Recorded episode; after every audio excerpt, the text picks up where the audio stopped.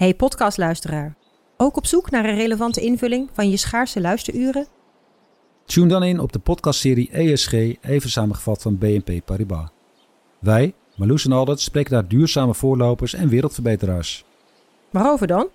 Nou, bijvoorbeeld of we ooit duurzaam kunnen gaan vliegen. En waarom koeien in de stad nou een goed idee is? Dat en meer elke twee weken in een nieuwe aflevering. Dus abonneer je. ESG, even samengevat.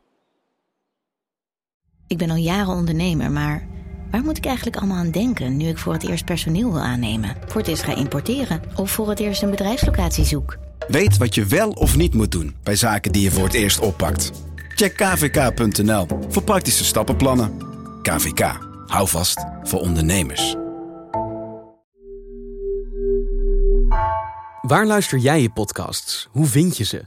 Welke zijn goed, bijzonder, belangrijk? Dat kan best wel lastig zijn. En daarom lanceren wij vandaag een nieuwe app. NRC Audio. Zo helpen we jou de beste podcast te ontdekken. Van NRC, van Nederland, van de wereld. Ook biedt NRC Audio gloednieuwe podcastseries van onze eigen redacteuren, waar wij behoorlijk trots op zijn, zoals Cocaïnekoorts, waar een misdaadverslaggever Jan Meijers duikt in het leven van Ridouan Taghi. NRC Audio is vanaf vandaag gratis te downloaden in alle appstores. Oké, we gaan beginnen. Vanaf de redactie van NRC het verhaal van vandaag. Mijn naam is Thomas Ruip.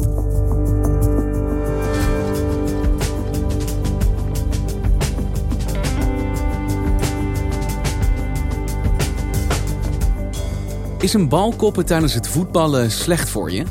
En een tackle bij rugby of ijshockey? Duizenden exporters en hun naasten willen weten of ze door hun sport hersenschade hebben opgelopen. Maar antwoord krijgen ze niet. De grootste sportbonden ter wereld oefenen een sterke invloed uit op de wetenschap, blijkt uit onderzoek van NRC. En kritische wetenschappers voelen zich door hen tegengewerkt.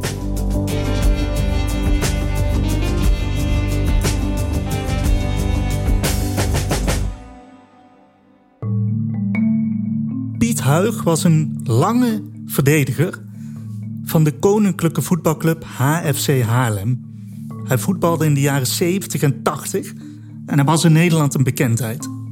Enzo van Steenbergen is redacteur op de sportredactie van NRC en maakte dit verhaal samen met Bram Endendijk. Piet Huig was bijna twee meter lang en hij kopte bijna alles. Daar komt Huig en die komt in. Piet Huig.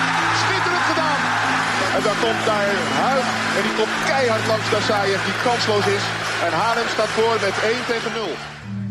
Bram Endendijk, mijn collega en ik hebben gepraat met de familie van Piet Huig. Met zijn vrouw Mari en zijn dochter Christel. Ja, als je nagaat. Voor, ik denk, hij is iemand geweest die het ongeveer het meest gekopt heeft in die periode van, van alle spelers die er waren. Hij vond het ook gewoon heel leuk. Want hij Dus, deed eh, het gewoon graag. ja. Hij was niet bang. Hij, hij kopte liever dan dat hij met zijn voet iets deed. Zijn vrouw die zag Piet dan weer thuiskomen na de training of na een wedstrijd. En dan had hij weer eh, bloed op zijn hoofd. Of had hij gewoon hoofdpijn. En hoe ging het verder met zijn voetbalcarrière? Ja, Piet Huig heeft dus eh, ongeveer 350 wedstrijden voor eh, Haarlem gespeeld. En na zijn carrière heeft hij een eigen winkel gehad, een sportwinkel. En eh, die is later overgenomen door zijn dochters. Dat kwam ook omdat het met Piet steeds minder goed ging. Eigenlijk was zijn vrouw was de eerste die merkte dat er iets misging. En toen was Piet eind 50. Zij begon aan, aan haar man te merken dat hij eh, dingen vergat. Eh, zijn persoonlijkheid veranderde ook. Eh, zijn humor verdween. Zijn vrouw die merkte ook dat hij heel veel woorden vergat. Op een gegeven moment had hij nog 300 woorden. En toen nog 200 en toen nog 100. En dat werden er 50 en 30 en 20. En het eindigde met 0. En wat was er dan met hem aan de hand? Nou ja, de klachten werden zo duidelijk dat ze naar de dokter zijn gegaan. Eerst dacht ze de ziekte van Alzheimer. En later was dat eh, semantische dementie. Wat een vorm is van dementie. Dus zijn geheugen verdween als het ware. En waar kwam dat door? Ja, dat is dus de grote vraag. Zijn vrouw heeft eigenlijk altijd antwoord willen hebben op die vraag. En er is een moment geweest dat zij een speelfilm zag op televisie. Die film heet Concussion. Will Smith speelt de hoofdrol. En die film die gaat over klappen die American footballers krijgen tijdens hun sportcarrière. En uit die film die Mari zag, bleek dat artsen hebben ontdekt dat die klappen in het American football tot hersenschade kunnen leiden. I can tell something is wrong. In 25 years, I've never requested a test like this. What are you looking for? My God. En in die film Concussion blijkt ook dat sporters dus vroegtijdig al dementie kunnen krijgen. I found a disease that no one has ever seen. Repetitive head trauma chokes the brain. En terwijl zij die film zat te kijken, kon ze eigenlijk niets anders denken dan: is dit ook met Piet gebeurd? Zijn de klappen die Piet op zijn hoofd heeft gekregen tijdens het voetballen, zijn die er de oorzaak van dat hij dementie heeft gekregen? En zijn ze daar achter gekomen? Nou, de vrouw van Piet Huig wil eigenlijk niets liever dan antwoorden. Uh, de artsen hebben ook aan Piet wel gevraagd: wil je hersenonderzoek laten doen? Maar Piet was toen al zo ziek dat hij eigenlijk uh, op alles nee antwoordde. Dus er is nooit een hersenonderzoek gedaan. Piet Huig is naar een verpleeghuis gegaan en vorig jaar is hij daar overleden. Dus eigenlijk heeft de familie nog steeds geen antwoorden.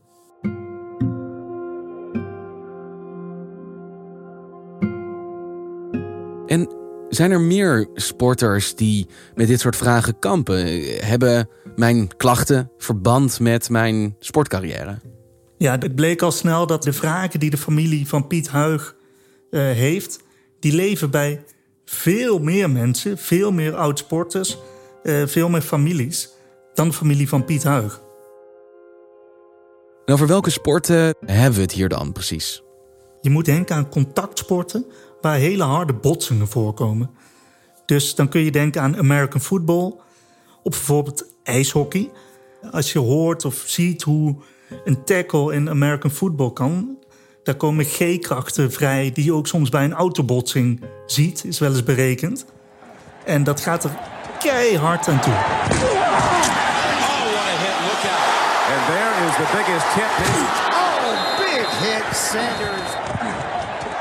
Ja, dat klinkt pijnlijk. En jullie willen dus weten hoe zit dit met andere sporten hier in Nederland, met voetbal bijvoorbeeld. En waar kom je dan achter als je dat gaat onderzoeken? Ja, wat je dan gaat doen is kijken naar wie zijn de belangrijkste onderzoekers op dit vakgebied. Uh, wat is het doorslaggevende bewijs? En eigenlijk merkten we al snel dat dat heel moeilijk te vinden was. Dat er geen doorslaggevende antwoorden kwamen op onze vragen. En toen zijn we gaan kijken, hoe kan dat? Is het toeval dat er geen antwoorden zijn?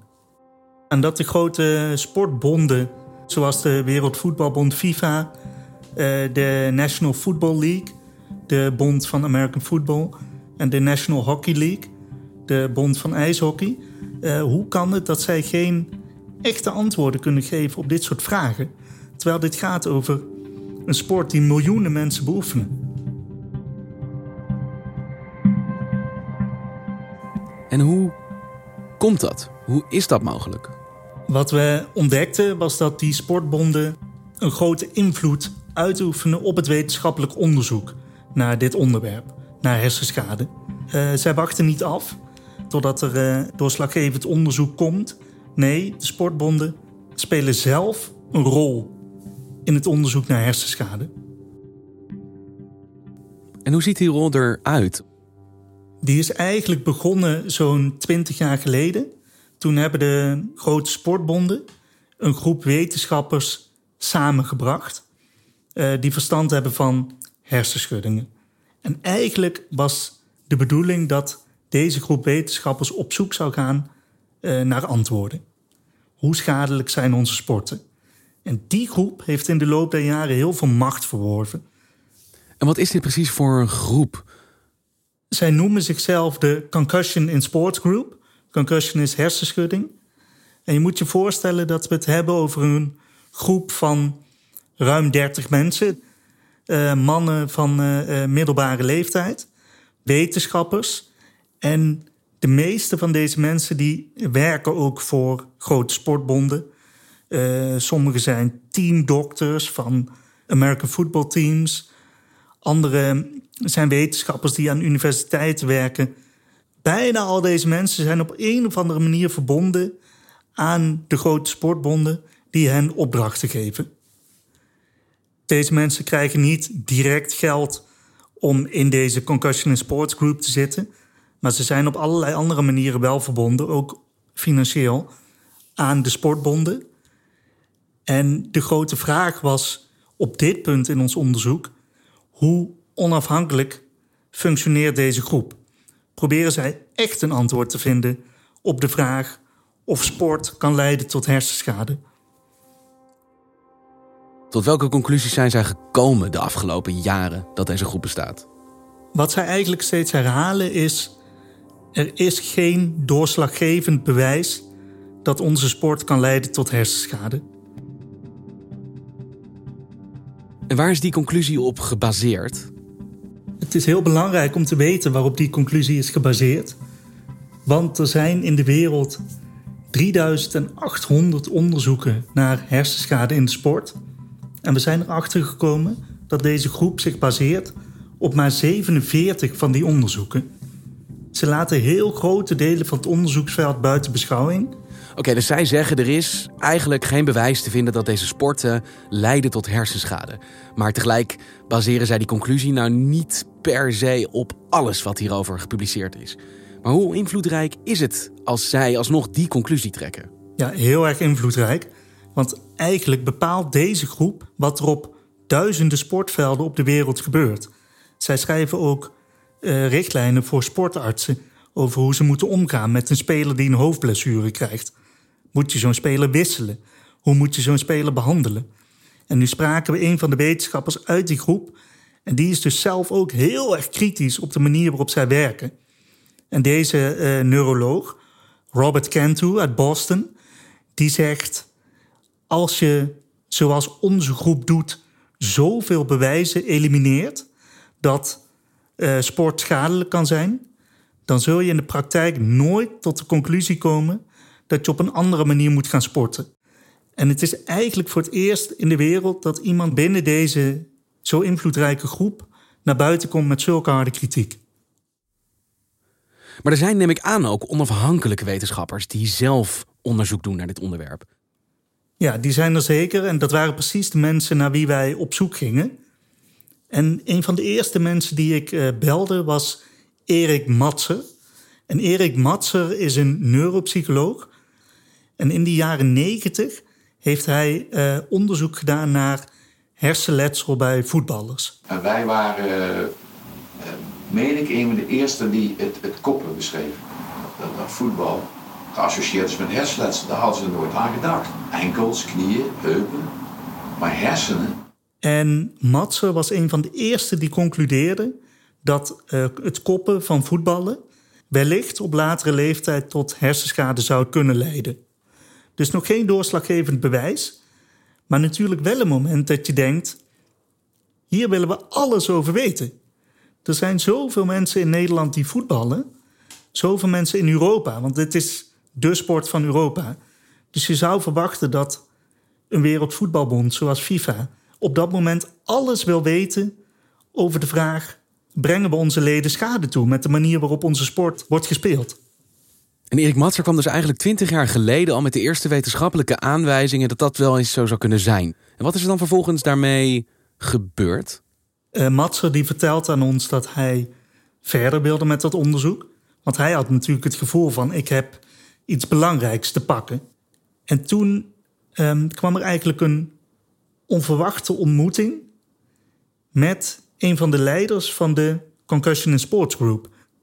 Erik Matser kreeg een telefoontje van Jiri Dvorac, eh, een Tsjech, een wetenschapper die twintig jaar de medische leidinggevende van de FIFA is geweest.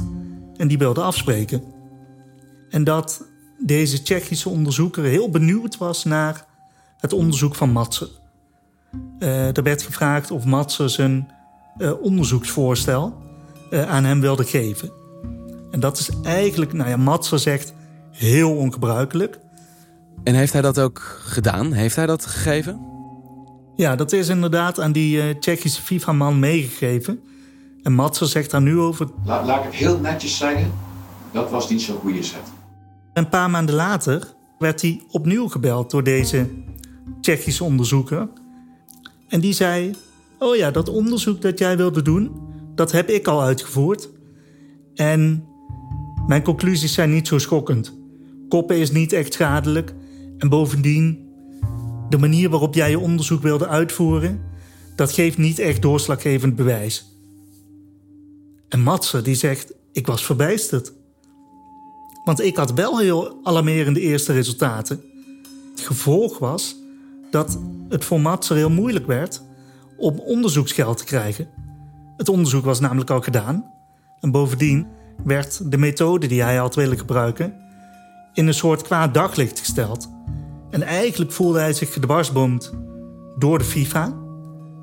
Want voor zijn gevoel had de FIFA een onderzoeker op hem afgestuurd die hem het werk moeilijk moest maken. En het voetbal was natuurlijk extreem bang dat hersenletsel een belangrijk thema zou worden in de hele medische discussie rond voetbal.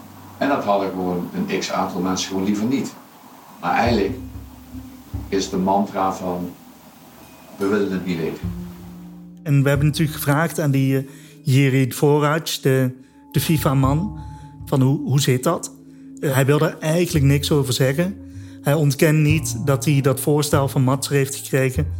Maar eigenlijk zegt hij alleen: Ik was al veel langer met dat onderzoek bezig. En onze onderzoek had niets te maken met die ontmoetingen. En hier heb je dus uh, deze Erik Matser die zegt: Ik ben in mijn onderzoek naar de schadelijkheid van sport actief tegengewerkt door die bonden. Is dat iets wat je vaker hoort? Ja, dat zijn we natuurlijk gaan onderzoeken. En we kwamen er al snel achter dat uh, veel meer wetenschappers dergelijke voorbeelden hebben. We spraken met een wetenschapper in Melbourne, Australië, uh, die zegt dat hem het werk moeilijk is gemaakt. We kwamen voorbeelden tegen in Amerika, waar de National Football League het werk van wetenschappers heeft proberen te dwarsbomen. Dus al heel snel kwamen we in contact met allerlei mensen die zeiden: Wij hebben ook zoiets meegemaakt.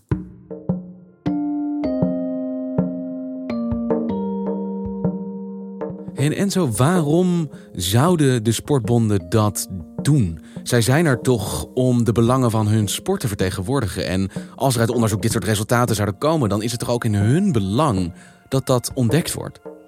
Ja, we hebben dus dat natuurlijk gevraagd ook aan al die sportbonden. Um, allemaal zeggen ze: voor ons staat voorop de veiligheid van onze sporters. Wij willen dat er veilig gesport kan worden. Aan de andere kant is de associatie met hersenletsel voor een sportbond een enorm gevaar. Je hebt dat bijvoorbeeld in het boksen gezien. Toen een link werd gelegd tussen de ziekte van Parkinson van Muhammad Ali um, en het boksen. Toen werd boksen een van de meest bekritiseerde sporten ter wereld. Uh, gezondheidsinstellingen riepen zelfs op om het boksen af te schaffen. The World Medical Association has called for boxing to be banned. The only safe way to box is to stop people punching others in the head. Now, I think if you were to do that, then um, the spectators would probably not get what they have come to see. En je moet je voorstellen, ga jij um, als vader of moeder je kind nog American football laten spelen als je weet dat het wellicht tot hersenschade kan leiden? Dus daarin zie je, een associatie met hersenletsel is voor een sportbond een heel groot gevaar. De belangen zijn te groot. De belangen zijn te groot. Ja, maar Enzo, het klinkt zo bijna alsof er een element in zit van wij willen dit eigenlijk liever niet weten. Ik denk dat dat inderdaad de centrale vraag is. Wat wil je weten en hoezeer doe je je best om tot antwoorden te komen? En als je kijkt wat de uitkomst is, dan kun je zien dat sportbonden veel meer hadden kunnen doen om tot echte antwoorden te komen. Want voor hoeveel mensen ter wereld moet dit niet belangrijk zijn? Hoeveel miljoenen mensen voetballen er? Dit wil je toch weten als speler, als ouder, ook als bond? Uiteindelijk is het natuurlijk heel erg groot. Zoveel mensen sporten en het gaat ook om zoveel verschillende sporten. inderdaad, eigenlijk zou iedereen dit moeten willen weten. En het is de vraag of dat het geval is. En wat betekent dat bijvoorbeeld voor de familie van Piet Huig, die juist op die vraag nou zo graag antwoord wilde hebben? Ja, als je daar dus in Haarlem in zo'n woonkamer zit, dan merk je pas echt wat de impact is van het niet weten, van de geheimzinnigheid. Want dan zie je de weduwe van Piet Huig en zijn dochter, die nog steeds met vragen zitten. Die zeggen: hadden we maar geweten of koppen schadelijk kan zijn. Hadden we maar geweten uh, of Piet voorzichtiger had moeten zijn met koppen. Hadden we maar antwoorden gehad. Maar dat die antwoorden uitblijven, dat is voor hen heel pijnlijk. En voor heel veel andere families net zo pijnlijk. Dankjewel, Enzo. Dankjewel. Je luisterde naar vandaag, een podcast van NRC. Eén verhaal, elke dag. Deze aflevering werd gemaakt door Nina van Hattem en Misha van Waterschoot. Chef van de audioredactie is Anne Moraal. Dit was vandaag, morgen weer.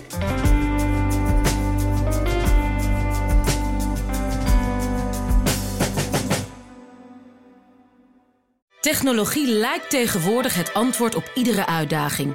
Bij PwC zien we dit anders. Als we de potentie van technologie willen benutten, kunnen we niet zonder een menselijk perspectief. Human-led, tech-powered noemen we dat. Ga naar pwc.nl.